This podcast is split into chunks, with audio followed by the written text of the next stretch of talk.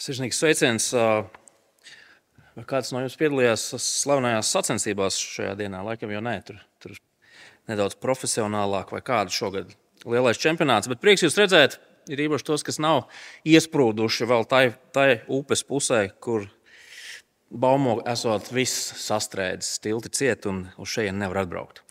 Lai vai kā, prieks, ka esat šeit, un mēs turpināsim mūsu pārdomas no pirmās vēstules Timotejam. Tādēļ es aicinu, ka mēs varētu draudzes Bībelēs atvērt pirmo vēstuli Timotejam, trešo nodaļu, un mēs lasīsim no 1 līdz 13 pantam.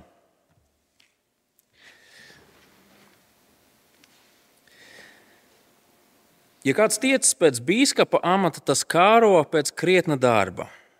Biskupam ir jābūt bez vainas, vienas sievas vīram, skaidru prātu, nosvērtam, pieticīgam, viesmīlīgam, lietpratīgam skolotājam. Nevis tādam, kas mīl iedzert un ir kauslis, bet kas ir lēnprātīgs, neķildojas un nav mantrausīgs, kas savu namu labi pārvalda un bērnus tur paklausībā un audzina krietnumā.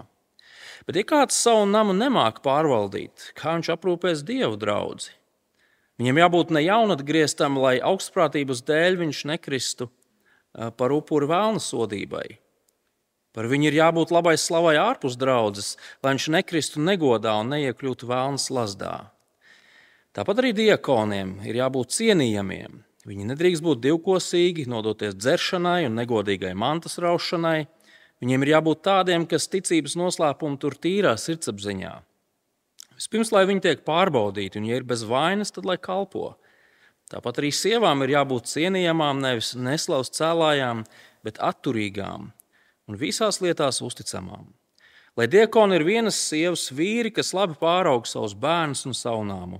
Tie, kas krietni veids kalpošanas darbu, iegūst godājumu stāvokli un pārliecību, droši sludināt ticībā, kas ir pamatota Kristu Jēzū. Tas ir Dieva vārds šai dienai. Amen.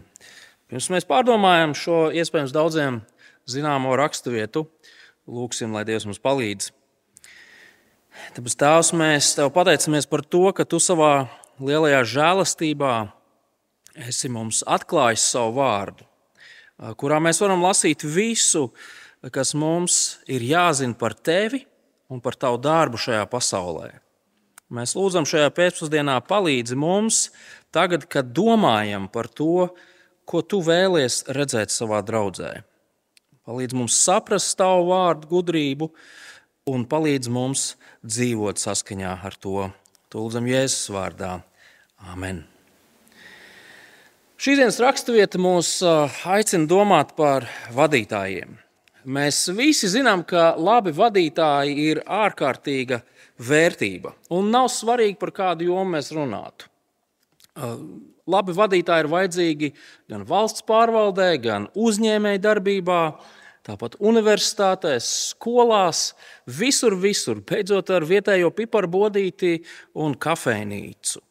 Mēs vēlamies redzēt zinošus vadītājus, kompetentus, tādus, kas ir ar pieredzi, kuriem ir savi principi, kuri ir uzticami, kuri ir čakli, Mēs vēlamies redzēt vadītājus, kas ir ne tikai lietpratēji savā tajā sfērā, bet kas, ja tā var teikt, ir īsti savas lietas patrioti. Cilvēki, kuri, kuri deg par to, par ko viņi ir atbildīgi. Labi vadītāji ir vadītāji, kuri spēj aizraut savus darbiniekus. Ja ne burtiski aizraut, tad vismaz motivēt darīt to, kas viņiem ir jādara. Kur ir spējīgi savus, savus padotos mācīt un palīdzēt viņiem pilnveidoties. Mēs visi zinām, cik vērtīgi ir labi vadītāji. Un nav nekāds noslēpums, ka arī kristīgām draudzēm ir vajadzīgi savi vadītāji. Pāvils raksta šajā vēstulē, ka draudzē ir jābūt kā patiesības pamatam un balstam. Draudzē ir uzticēts šis ārkārtīgi, ārkārtīgi svarīgais, nopietnais uh, dzīvības un nāves, mēs pat varētu teikt, uzdevums šajā pasaulē sludināt par glābšanu, kas ir pieejama caur Kristu. Dievs vēlas glābt cilvēkus, un Viņš ir izraudzījis šajā pasaulē draugu kā to vietu, kurā glābšanas vēsts var izskanēt. Un līdz ar to ir likumsakrīgs jautājums, nu, kādiem tad ir jābūt draudzes vadītājiem? Nu, iedomāsimies, ka mums draudzē ir, ir vakance uz, uz, uz vadītāja amata. Draugi, nebaidieties, es vēl, vēl neesmu iesniedzis atlūgumu. Bet ko mēs liktu sludinājumā šajā tekstā? Nu, ka viņam ir jābūt izglītībai, vai ne? Pieredzēji, vēlams, ne mazāk kā 15 gadi. Ko mēs vēl liktu? Dažne dažādas lietas mēs tur varētu likt. Spēja strādāt paaugstināta un nebeidzama stresa apstākļos, piemēram, varbūt. Nu, kaut kādas tādas lietas mēs tur liktu pareizi. Un tas ir ārkārtīgi svarīgs jautājums. Tas ir svarīgs tādēļ, ka vadītājs ir cieši saistīts ar pašu draugu.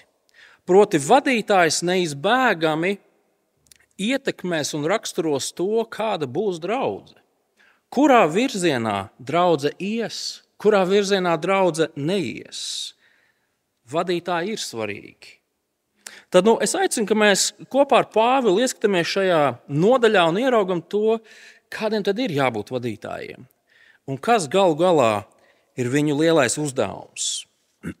šajā raksturvietā mēs redzam divu veidu vadītājus, un pie viņiem abiem mēs arī kādu laiciņu pakavēsimies. Mēs redzam biskupus un mēs redzam diakonus 8. pantā. Vārds biskups, ja mēs viņu tulkotu no, no, no grieķu valodas, nozīmē pāraugs, tas, kurš pārauga. Un savukārt diakons nozīmē kalpotājs. Ļoti vienkārši. Jaunajā derībā biskupi tiek saukti arī par vecākajiem, draudzes vecākajiem, jeb ganiem, mācītājiem. Nu, piemēram, Pāvils atvainojas vēstulē Efeziešiem, bet uh, apakstuļu darbos uzrunājot Efezes draugas vecākos, 20. nodaļā, um, 28. pantā, viņus sauc arī šādi: Klausieties, sargiet sevi un visu ganāmpulku, kurā svētais gars jūs licis par bīskapiem, tātad vecākie bīskapi, lai jūs ganītu dieva draugu ko viņš ir iemantojis ar savām asinīm. Bīskaps, vecākais, gans, mācītājs jaunajā derībā ir viens un tas pats. Pirms mēs iedziļināmies šo pirmo vadītāju, pāraugļa biskupu aprakstā, es gribu jūsu uzmanību uz mirkli pievērst pirmajam pantam. Ja kāds tiecas pēc biskupa amata, tas kāro pēc krietna darba. Ja mēs šo teikumu lasītu grieķu valodā, mēs redzētu, ka šeit nav vārds uh, amats. Lai gan no konteksta ir skaidrs, ka, protams, ka Pāvils runā par kaut kādu veidu amatu, kaut kādu pozīciju, posteni. Pāvils uzmanību īstenībā pievērš nevis amatam, bet gan tam darbam, kas šim cilvēkam ir jāveic uzsvars tiek likts uz pašu darbu, nevis uz ieņemamo amatu. Ja kāds tiecas pēc pāraudzīšanas darba, pēc šīs kalpošanas, tas tiecas pēc krietna darba. Un tas ir ārkārtīgi svarīgi. Iespējams, jums liekas, nu kas, tur, kas tur tik īpašs, bet tas ir ļoti svarīgi.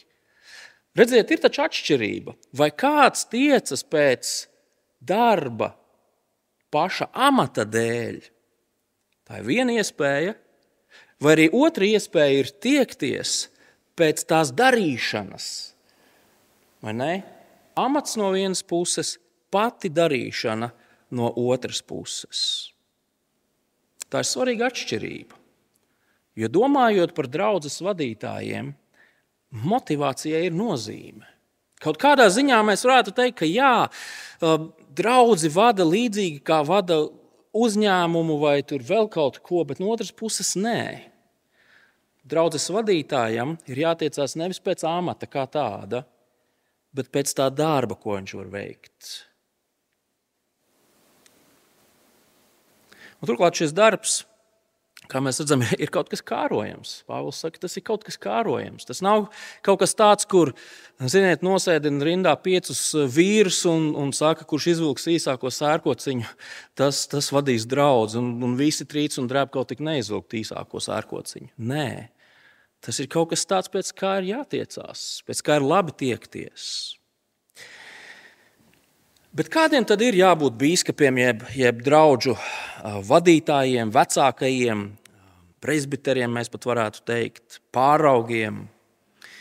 Lai arī Pāvils šajā sarakstā līdz pat 7. pantam viņš min vienu otru prasmi. Iespējams, jūs jau pamanījāt, ka liels vairums šeit pieminēto lietu ir saistīts ar viņa raksturu.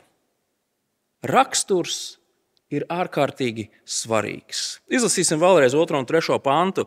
Biskupam ir jābūt bez vainas, vienas sievas vīram, skaidru prātu, nosvērtam, pieticīgam, viesmīlīgam, lienpratīgam skolotājam, nevis tādam, kas mīl iedzert un ir kauslis, bet kas ir lēnprātīgs, neķildojas, nav mantrausīgs. Raksturs. Frāze būt bez vainas runā nevis par perfekciju, tādu, kurš nekad nevienu kļūdu neizdara un nevienu grēku un pārkāpumu. Nē, šī frāze saistās ar vispārēju reputāciju. Vecākā dzīvē, jeb šī vadītāja dzīvē, nedrīkst būt kaut kas, tāds, ka, kas nākot gaismā varētu sagraut, ietekmēt draudzes reputāciju. Tas ir tas, ko nozīmē šī frāze bez vainas. Viņa dzīvē nav nekā skandaloza. Viņš, viņš skapī neglabā kaut kādus skeletus, kas varētu reāli sadragāt viņa darbu un visu, par ko stāv draudzene. Te nav runa par to, ka vadītājs, jeb pāraugs, nekad negrēko vai, vai nepieļauj kādu kļūdu.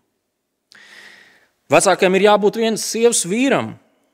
Tas nozīmē, ka viņam ir jābūt uzticīgam savai sievai, ja viņš ir precējies seksuāla šķīstība, nekādas kreisās domas, nekādi kreisie soļi. Uzticīgs savam laulātajam draugam. Skaidrs prāts, nosvērts, pieticīgs. Visi šie vārdi runā par tādu apdomību. Piecreiz nomēri pirms nogriezes. Viņš nav karstgalvs, kurš emocijās var visu kaut ko sastrādāt. Nē, viņš ir savaldīgs. Viņš ir viesmīlīgs. Šis ir ļoti interesants vārds. Grieķu valodā šis vārds nozīmē tas, kurš mīl svešinieku. Viesmīlīgs ir tas, kurš mīl svešinieku. Protams, mums ir viegli atvērt savu, savu nama durvis un būt kopā ar cilvēkiem, kurus mēs pazīstam, ar draugiem, kaimiņiem un, un tā tālāk. Bet ko darīt, ja padurvīm ienāk svešinieks? Viņš ir jāuzņem mīlestībā. Tālāk Pāvils uzskaita vairākas lietas, kuras nedrīkst raksturot eh, draudzes pāraugu.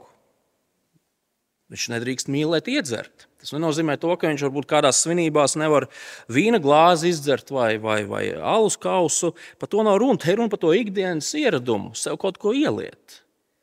Viņš nedrīkst būt tāds ierāvējs, kurš nevar iztikt bez, bez grādīgiem dzērieniem. Viņš nedrīkst būt kauslis, Tas tā kā būtu pašsaprotams. Bet varbūt arī nē. Viņš nedrīkst būt ķildīgs. Viņš nedrīkst būt tāds, kurš mīl naudu, kuram nauda ir svarīga. Sastajā pantā ieskatieties, vecākais, ja pāraugs nedrīkst būt jaunatgriezts kristietis. Viņiem jābūt ne jaunatgrieztam, lai augstprātības dēļ viņš nekrist par upuru vēlna sodībai. Interesanti, ka Pāvils šos jaunatgrieztos jaunus kristiešus saista ar lielāku risku būt augstprātīgiem. Un, ja mēs tā mirkli padomājam, tad tur kaut kas ir pareizi. Cilvēks, kurš ir tikko nācis pie kristīgās pārliecības, es nesaku, ka tas tā ir vienmēr, bet bieži vien šis cilvēks ir dedzības pilns. Viņš ir izslāpis beidzot dzīvot pareizi. Viņš visu pasauli redz melnbaltu, viņam nav šī pelēkā zona. Un pelēko zonu dažādos jautājumos spēj ieraudzīt tikai tas cilvēks, kurš ir nobriedis, kurš ir garīgi nobriedis. Tādēļ mēs varam iztēloties, kā um, Pāvils aizliedzot šiem jaunatgrieztajiem um, būt par vadītājiem, izsaka nopietnu brīdinājumu. Tāpēc, ka jauni kristieši reizēm var sarunāt un sadarīt tādas lietas, kuras pēc tam viņiem nāktos nožēlot. Dedzība ir laba lieta, bet ir jābūt uzmanīgam. Cienījamiem sakot, mēs redzam to, ka Pāvils no dažādām pusēm uzsver to, cik ārkārtīgi liela nozīme ir pārauga raksturam. Viņam ir jābūt dievbijīgam. Kaut kādā ziņā dievbijība pat ir svarīgāka par prasmēm, un mēs to lieliski saprotam. Vecākais, jeb draugs pāraugs, nevar būt cilvēks, kura reputācija ir apšaubāma, neusticama. Un tā, kad mēs meklējam draudzē jaunus, jaunus vadītājus, rakstam ir jāpievērš uzmanība. Kāds viņš ir kā cilvēks? Diemžēl reizēm pārāk bieži mums vairāk interesē tas, kas ir rakstīts viņa CV. Viņa pieredze, viņa sasniegumi, viņa izglītība.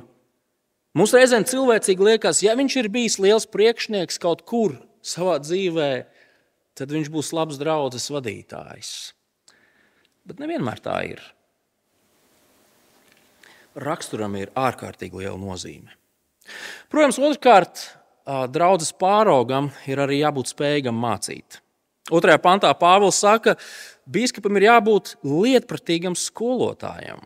Viņam ir jābūt spējīgam mācīt. Viņam ir jābūt gana skolotājam, lai viņš, skolotam, lai viņš spētu izšķirt, kas ir patiesība, kas ir meli. Lai viņš spētu šo patiesību darīt zināmu, lai viņš spētu paskaidrot cilvēkiem, ko tad Dieva vārds māca. Piekritīsiet, ka nav nekas skumjāks par, par, par sludinātāju, kurš kancelē stāv un kaut ko vāvuļo. Teoloģiskai izglītībai mācītājiem ir liela nozīme. Dažna dažāda veida sludināšanas darbnīcām, kurās sludinātājs var trenēties un pilnveidoties, ir milzīga nozīme. Draugu vadītājiem ir jābūt lietpratīgiem skolotājiem. Pāvils saka, treškārt, ka draugu pāraugiem ir jāprot vadīt savu ģimeni. Ieskatieties 4. un 5. pantā, kas savu namu labi pārvalda un bērnus tur paklausībā un audzina krietnumā. Bet, ja kāds savu namu nemāk pārvaldīt, kā viņš aprūpēs dievu draugu? Loģiski. Draugu pāraugiem ir jāspēj pārvaldīt savu namu. Viņiem ir jāspēj vadīt savu savu ģimeni. Viņa bērniem ir jābūt paklausīgiem un krietniem, Pāvils saka. Tādiem, kas saprot, kā uzvesties un kāpēc uzvesties. Te, protams, nav runa par to, ka, ka, ka bērni nevar darīt tās bērnišķās blēņas, kuras viņi katru dienu un diezgan daudz dara. Par to šeit nav runa. Šeit ir runa par tādu vispārēju izpratni, ko nozīmē cienīt autoritāti kur nozīmē būt daļai no draudzes. Un te jau nav runa tikai par bērniem. Patiesībā runa ir par to, vai vecākais, jeb šis pāraugs, savu, savu ģimeni uztver kā tādu nopietnu atbildību. Es nezinu, kam pieder šie vārdi. Iespējams, daudzi to ir daudz, cauri gadsimtiem teikuši, ka ģimene ir draudzes pārauga pirmā draudzene. Tie ir tie pirmie cilvēki, par kuriem viņam ir jāparūpējās. Ģimene nevar atstāt novārtā. Ne bērns, ne sievu, ne visus, kas pieder ģimenei. Par ģimeni ir jārūpējas gan fiziski, gan garīgi. Ja pāraugs nespēja un neprot gādāt par savu ģimeni, kādas ir iespējas, ka viņš mācīs rūpēties par draugu? Raksturs Viņam jābūt lietpratīgam skolotājam, viņam jāprot rūpēties par ģimeni un visbeidzot, draudzes pāraugam ir jābūt labai reputācijai ārpus draudzes. Ieskatieties 7. pantā. Par viņu ir jābūt labai slavai ārpus draudzes, lai viņš nekrist negodā un neiekļūtu vēlna slazdā. Tas ir pašsaprotami, ka vadītājs nevar būt uh, ar, ar tādu apšaubāmu reputāciju pie kaimiņiem, pie darba kolēģiem, plašākā sabiedrībā. Draugi, mēs redzam, pavisam ātri izskrienot cauri šiem pantiem, mēs ieraugam šo draudzes pārauga profilu. Viņam ir jābūt dievbijam, viņam ir jābūt lietpratīgam skolotājam, viņam ir jāprot rūpēties par savu nāmu, lai viņš pēc tam varētu rūpēties par dieva nāmu. Viņa reputācijai gan draudzē, gan ārpus draudzes ir jābūt labai. Un viņam tādam ir jābūt, tādēļ, ka viņa uzdevums, šis krietnais darbs, ko Pāvils saka, ir ārkārtīgi svarīgs un ārkārtīgi nopietns. Kas tad draudzes pāraugam, jeb bīskapam, jeb ganam ir jādara? Nu, rakstiem mēs ļoti skaidri zinām, ka draudzes pāraugiem ir jārūpējas par dievu draugu. Un draudzes pāraugs, jeb vecākais, rūpējās par dievu draugu, mācot tai dievu vārdu. Viņš ir tas, kurš ir atbildīgs par to, lai draudzes locekļi varētu dzirdēt Dievu vārdu un augt saskaņā ar Dievu vārdu. Un piekritīsiet, tas ir ārkārtīgi, ārkārtīgi būtiski un svarīgi. Reizēm, reizēm no draudzes mācītāja, jeb vecākā, tiek sagaidīts, ka viņš būs tāds plaša profila speciālists. Uh, viņš spēs administrēt draudzes darbu, viņš organizēs draudzes darbu, viņš gādās par to, lai draudzē ir finanses, viņš remontēs pilošo jumtu un torni, ja vajadzēs.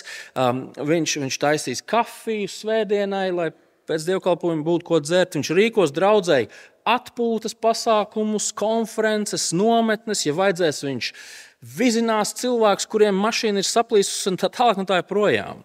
Un realitāte jau ir tāda, ka mazā draudzītē, kā, kā arī mūsu draudzīte, draugu vadītājiem ir jādara daudz no šīm lietām.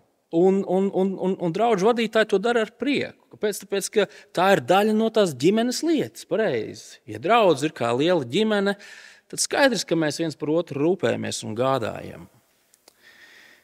Taču mums ir svarīgi paturēt prātā, ka draudzes pārauga vecākā mācītāja primārais uzdevums ir gādāt par to nevis lai jumts netek, nevis par to, lai būtu vienmēr garšīga kafija, bet gan par to, lai draudzene būtu garīgi aprūpēta.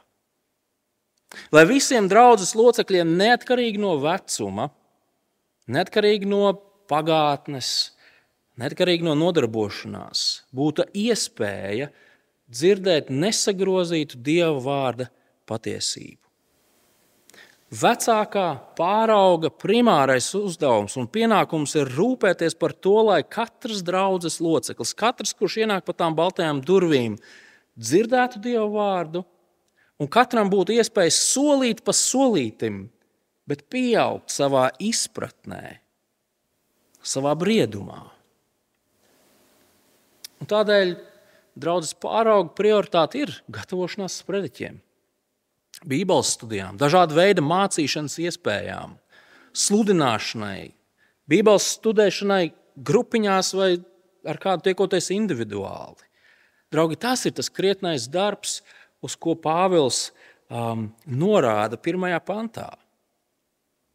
Pāraudzīt draugu, mācot tai dievu vārdu, ir jebkura biskupa, jeb pārauga prioritāte. Un mēs varam reflektēt, vai tas raksturo mūsu draugu.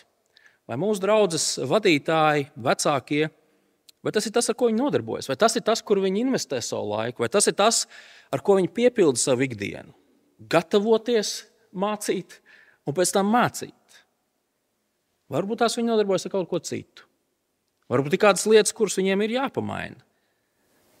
Tie ir jautājumi, par kuriem mums vienmēr ir jādomā. Jo mēs taču gribam, lai mums būtu labi, uzticami draudzes gani. Rakstieties otrā pusē, Pāvils pievēršas diakoniem. Un diakoni kaut kādā ziņā ir ļoti līdzīgi šiem biskupiem.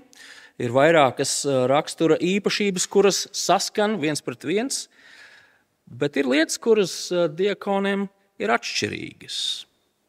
Kādiem tad viņiem ir jābūt? Izlasīsim no, no 8. pānta uz priekšu.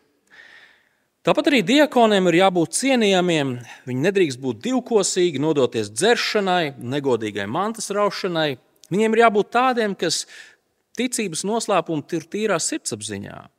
Vispirms, lai viņi tiek pārbaudīti, un, ja ir bez vainas, tad lai kalpo.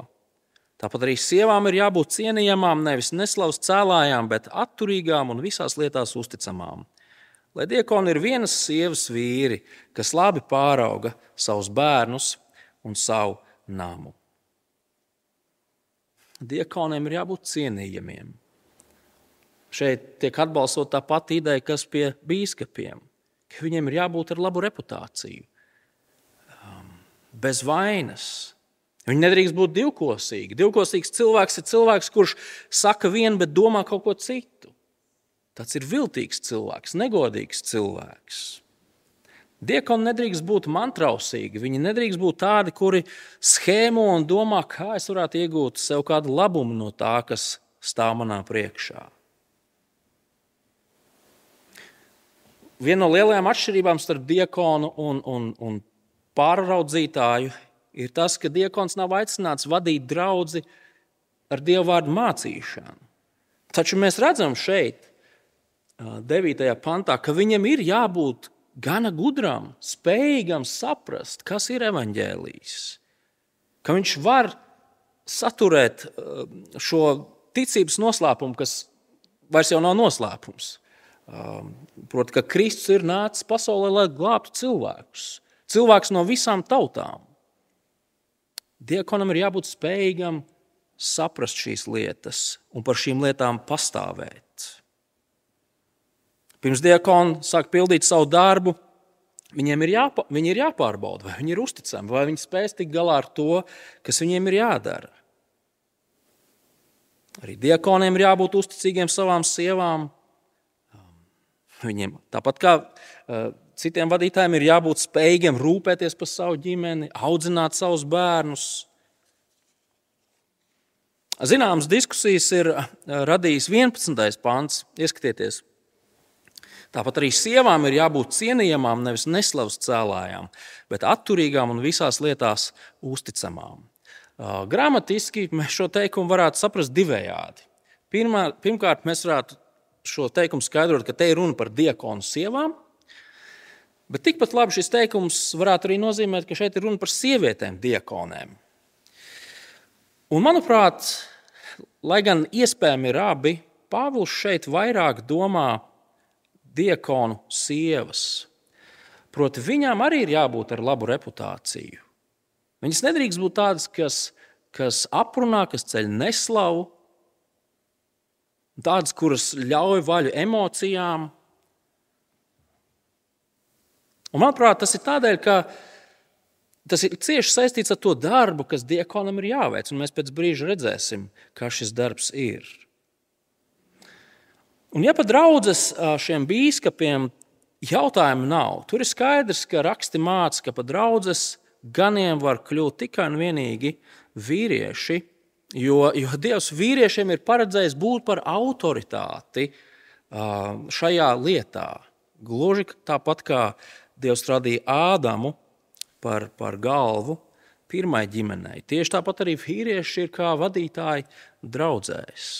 Bet tad, kad mēs nonākam pie šī diakona jautājuma, tad uzticamās tradīcijās domas dalās. Būs uh, labas draudzes, kuras teiks, droši sievietes var būt diakonis, būs draudzes, kuras teiks, nē, šeit ir runa par vīriešu diakonu sievām.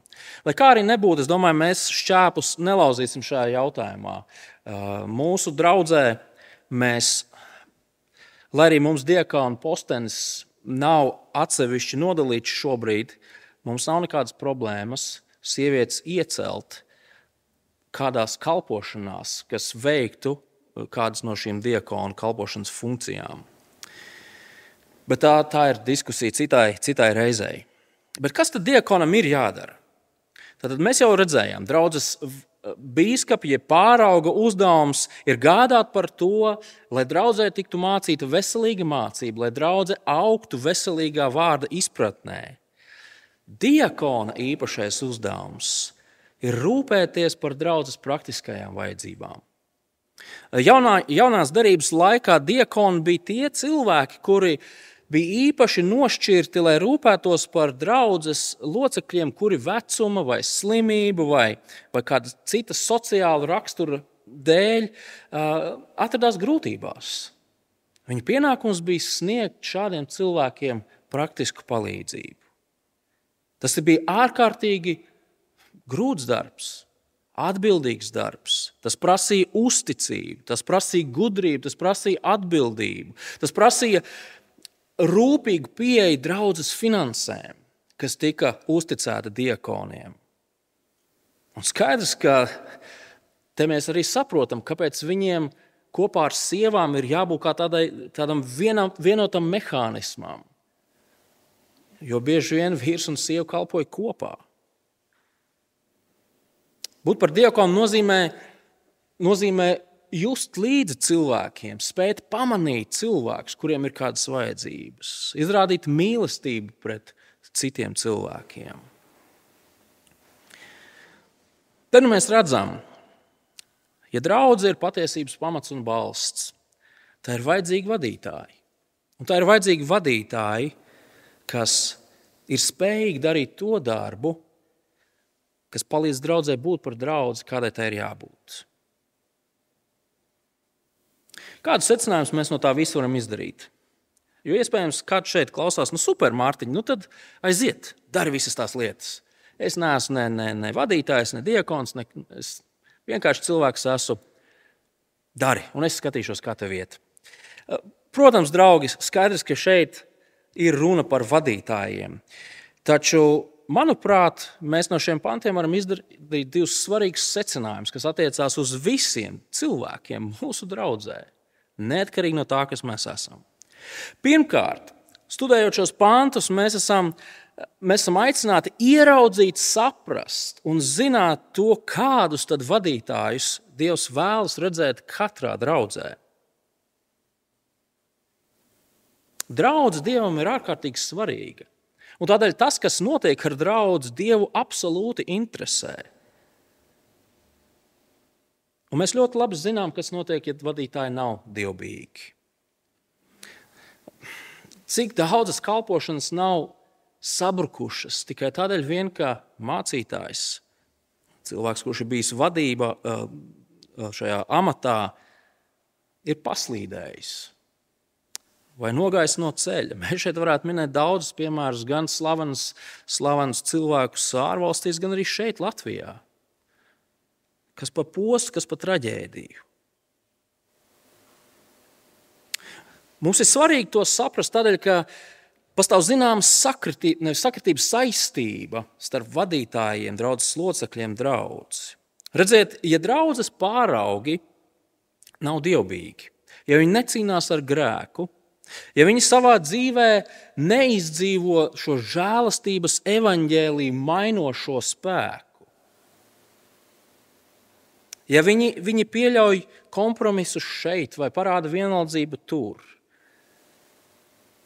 tad ar laiku evaņģēlīja patiesība pazudīs no viņu dzīves un no viņu vārdiem. Un tas ir ārkārtīgi kritiski tādēļ, ka draudz iet tur, kur iet vadītāji. Pareizi, tā taču ir. Ja vadītāji atmet evaņģēlīju, arī draudzene atmetīs evaņģēlīju. Un tā ir šausmīga traģēdija, jo draudzene bez evaņģēlija ir diezgan bezjēdzīga draudzene. Draudzē ir jābūt tai vietai, kur tiek sludināts nesagrozīts, patiess evaņģēlijs, kur tiek izdzīvots evaņģēlijs. Taču, ja tā nav, ko šī draudzene var dot pasaulē? Nu, ko viņa var dot pasaulē? Kādu vēsti šī draudzene var mācīt pasaulē? Kādu cerību šī draudzene var dot pasaulē? Kādu glābiņu šī draudzene var sludināt pasaulē? Patiesība ir tāda, ka pasaulē nav vajadzīgas draudzes bez evaņģēlīja. Pilna pasaule ar visādiem klubiņiem, kas nodrošina visu kaut kādu veidu izklaides un, un, un interesantas lietas. Un realitāte ir tāda, ka rietumos šādas draudzes, rietumu pasaulē šādas draudzes bez evaņģēlīja viņas iznīkst. Jūs varat papētīt statistiku, viņas izmirst. Un es gribētu teikt, paldies Dievam, ka viņas izmirst. Tāpēc, ka draudzes, kuras pretendē uz, uz kristīgas draudzes statusu, bet nesludina patiesu evaņģēliju, tās ir bīstamas vietas. Tas ir vietas, kuras pieviļ cilvēkus. Vietas, kurās neizskan aicinājums uz grēku nožēlu, kur neizskan uh, pasludinājums par grēku piedošanu caur Kristus darbu, kur tiek sludināta patiesa cerība, drošība, glābšana, attaisnošana. Draudzes bez šī visa ir bīstams vietas. Un jo mazāk tādu, jo labāk.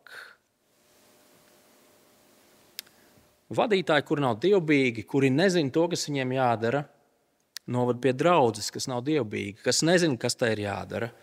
Novad pie tā, ka pasaule caur šo draugu nedzird vēsti, kas tai ir jāvad, jādzird. Novad pie tā, ka cilvēki netiek glābti. Bet tagad iztēlosimies citu scenāriju. Dievbijīgi vadītāji, kuri, kuri savus ticības brāļus un māsas māca visā Dieva vārda gudrībā. Tas vada stipru, dievbijīgu draugu. Nevis pilnīgi perfektu, bet tādu, kas grib dzīvot dievbijīgi. Šāda dievbijīga draudzene pasaulē sludina vēsti par Kristu, kurš ir nācis glābt grēciniekus. Cilvēki to dzird, un cilvēki tiek izglābti. Mums ir jāzina, ka vadītājiem, un tieši šādiem vadītājiem, ir milzīga, milzīga nozīme.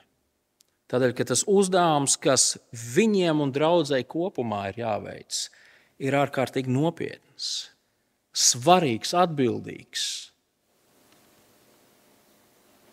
Mums ir jāzina, kādi ir vadītāji, kādi vadītāji ir labi un dievam tīkami. Bet ir vēl viena lieta un tā ir vairāk praktiska.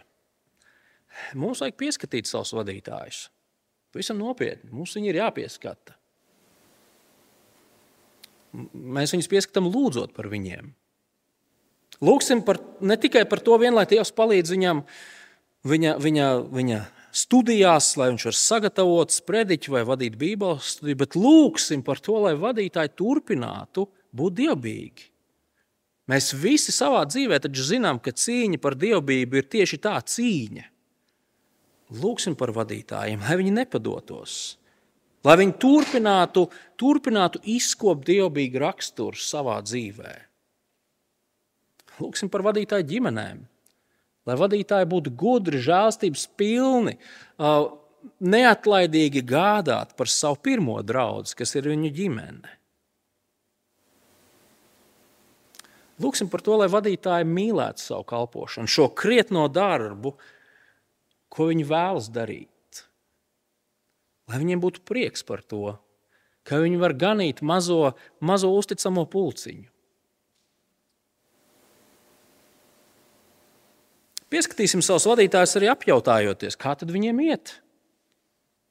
Ko viņi domā par vienu vai otru lietu, kas ir tās lietas, ar kuriem cīnās, kas viņus apbēdina, kā viņi reaģē uz lietām, kas viņus apbēdina. Protams, ka mums nevajag šīs sarunas pārvest par tādu urķēšanos cilvēka dvēselē. Tas nav vajadzīgs un tas nav veselīgi. Taču, ja mēs demonstrējam šo veselīgo interesi cits par citu, tas taču palīdz mums pieaugt. Un vadītājiem ir jābūt atvērtiem uz šādu interesi. Lūksim par saviem vadītājiem, pieskatīsim viņus, interesēsimies par to, kā viņiem reāli iet, un lūksim kopā ar viņiem. Jo gal galā draudzene Dievam ir ārkārtīgi īpaša. Draudzēji Dievs vadītājiem un visiem, kas draudzē pieder, ir kā tādai lielai ģimenei uzticējis milzīgu uzdevumu. Un, lai šo uzdevumu veiktu, draudzē ir jābūt dievbijīgai ar dievbijīgiem vadītājiem, dievbijīgiem brāļiem un māsām, kristiešiem, kuri sludina patiesību pasaulē, kas iet bojā, kurai ir vajadzīga glābšana, kur ir vajadzīga miers ar Dievu. Lūksim Dievu. Dabas tās mēs tev pateicamies par to, ka Kungs Jēzus ir mūsu lielais gans. Viņš ir nācis pasaulē, lai mūs izglābtu, un viņa dāvātai glābšanai mēs neko nevaram pielikt. Mēs neko no tās nevaram atņemt. Un vienlaikus viņš ar savu dzīvi un kalpošanu ir rādījis mums piemēru. Ne tikai kristiešiem, bet, ne tikai vadītājiem, bet visiem kristiešiem.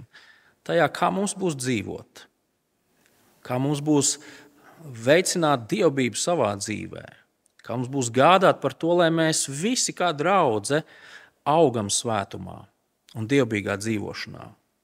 Tad debes Tēvs, domājot par draugu vadītājiem, mēs lūdzam patiesi, ka mēs būtu gudri um, un neatlaidīgi gādāt par to, lai mūsu draugi vada dievbijīgi vadītāji, kuri, kuri māca draugu, kuri rūpēs par draugu. Un tās mēs lūdzam, ka mēs arī kā draugi, kā draugs ģimene, būtu atbildīga draugs ģimene, kas gādā un pieskat arī savus vadītājus. Tās, lai nevienā brīdī neviens no mums nepaslīdētu, neaiziet kaut kur no ceļa. Tās rāda mums šo milzīgo žēlstību, pastāvēt līdz galam, darot to, kas mums ir jādara. Lūdzam, Jēzus vārdā. Amen.